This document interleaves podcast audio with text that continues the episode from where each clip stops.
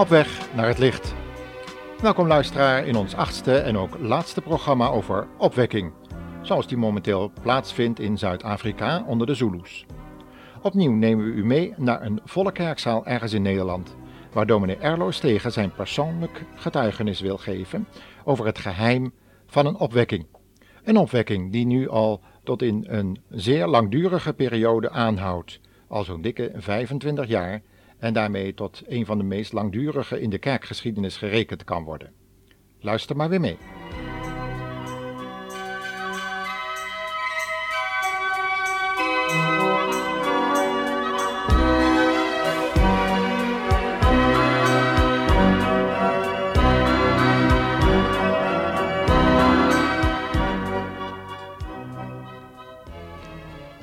Heeft u ook wel eens meegemaakt dat mensen in uw kerk openlijk hun zonden beleden, ruzies bijlegden, zaken die in de loop van de tijd het geestelijk leven hadden afgezwakt en werden weggedaan of verbrand?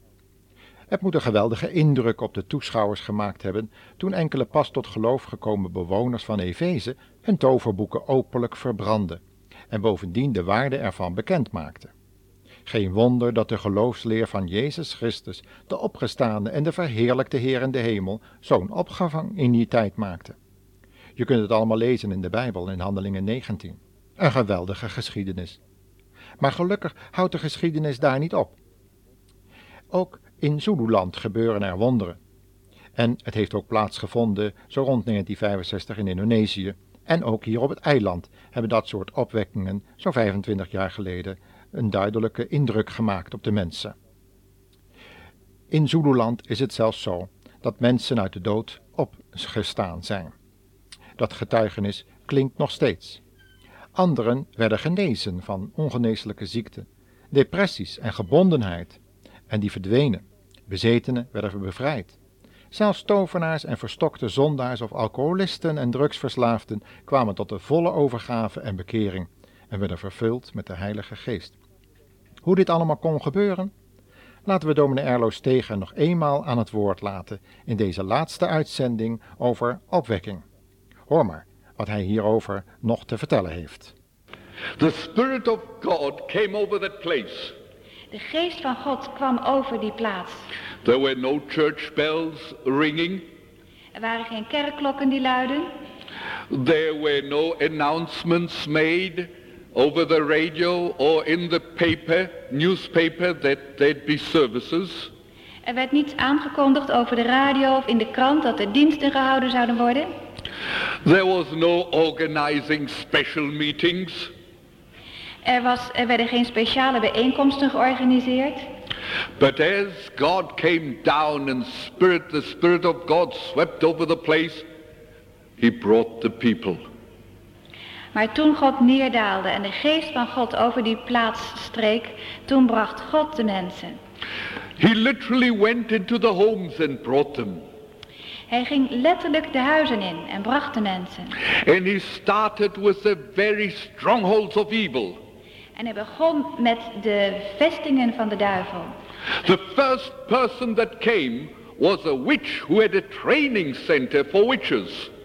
De eerste persoon die kwam was een heks die een opleidingsschool voor heksen had. And she came straight to me after I had left the service and she out of the, went out of the building.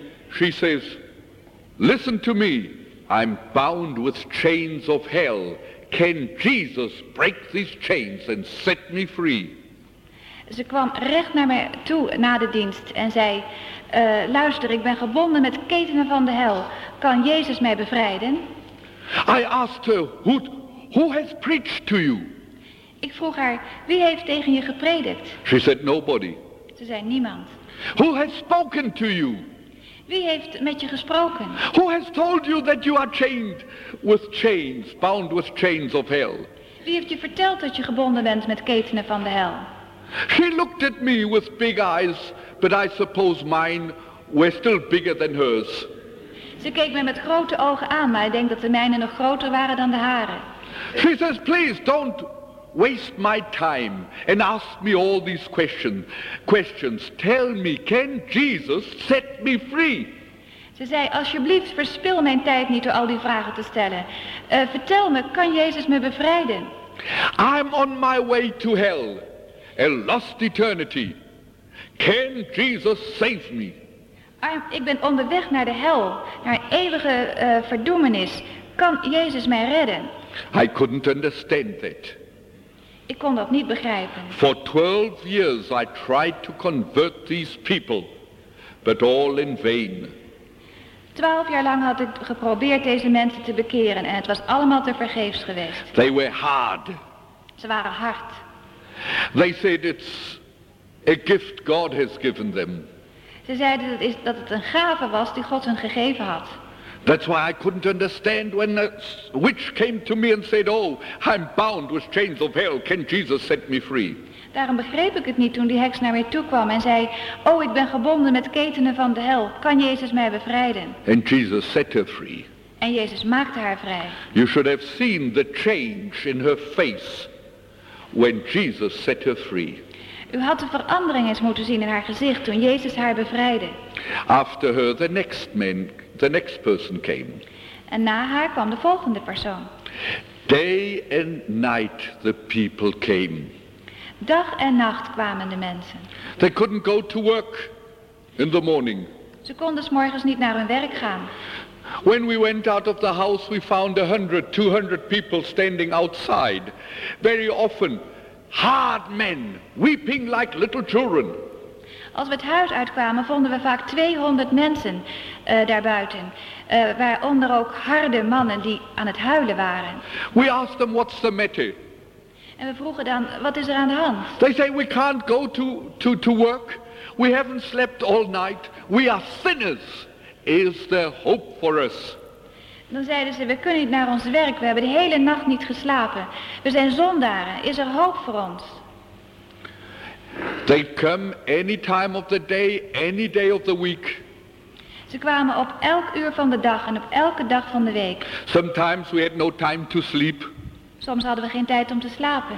We had no time to eat. We hadden geen tijd om te eten.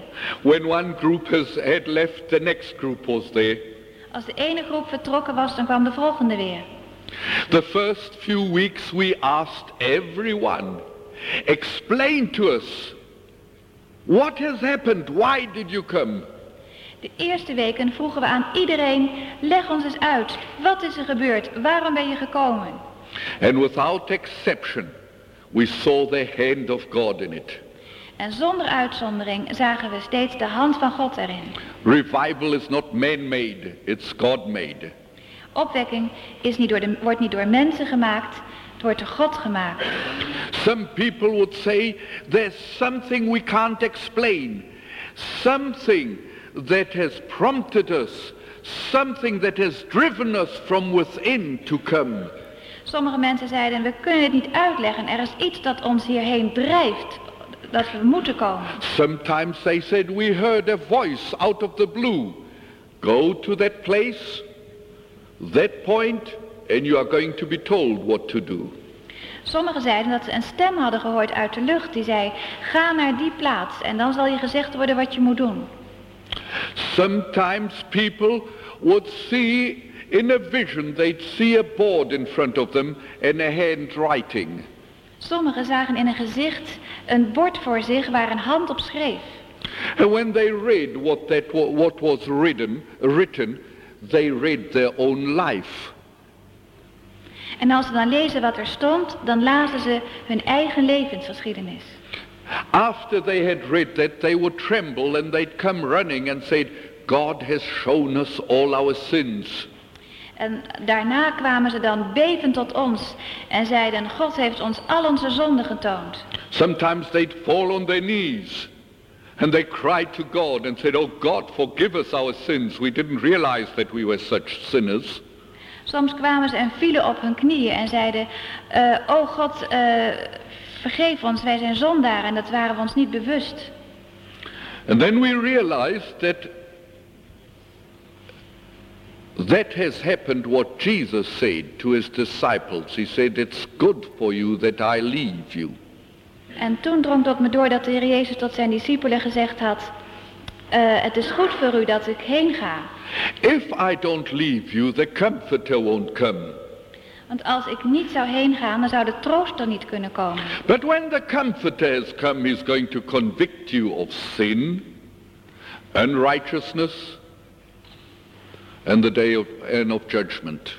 Maar wanneer de trooster komt, zal hij overtuigen van zonde, gerechtigheid en oordeel. And that's literally what we experienced. It was as if people took it so seriously that they thought it was the day of judgment.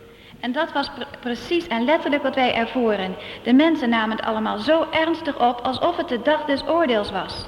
They were so convicted of sin that their hearts broke. Ze, waren, ze werden zo overtuigd van hun zonden dat hun harten braken. It wasn't necessary for a parent to tell the child you go to the minister and get things sorted out. Het was niet nodig eh, voor een eh, ouder om te zeggen tegen een kind, eh, ga naar de dominee en breng het in orde. Children would come without their parents knowing it. De kinderen die kwamen zonder dat hun ouders het wisten. A mother would do it without her husband knowing it. En een moeder die deed het zonder dat haar eh, man het wist. A father would do it without his children knowing it. En een vader deed het zonder dat zijn kinderen het wisten. The conviction went so deep that they were convicted, they knew we are lost. De overtuiging ging zo diep dat ze wisten, we zijn verloren. But when they received the assurance that God had forgiven them, their face, faces beamed. Maar als ze de eh, zekerheid ontvingen dat God hen had vergeven, dan straalden hun gezichten. Dear friends, there's a big difference whether the devil is in your heart or God is in your heart. Vrienden, het is een groot verschil of eh, wanneer de duivel in je hart is of wanneer God in je hart is. When the devil is there, it's like hell. But when God is there, it's like heaven. Als de duivel erin is, dan is het eh, als, als de hel. Maar als God erin is, is het als de hemel.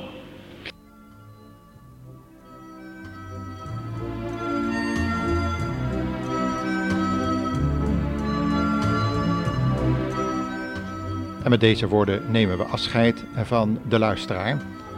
God zegene u en tot een nieuwe serie uitzendingen op weg naar het licht.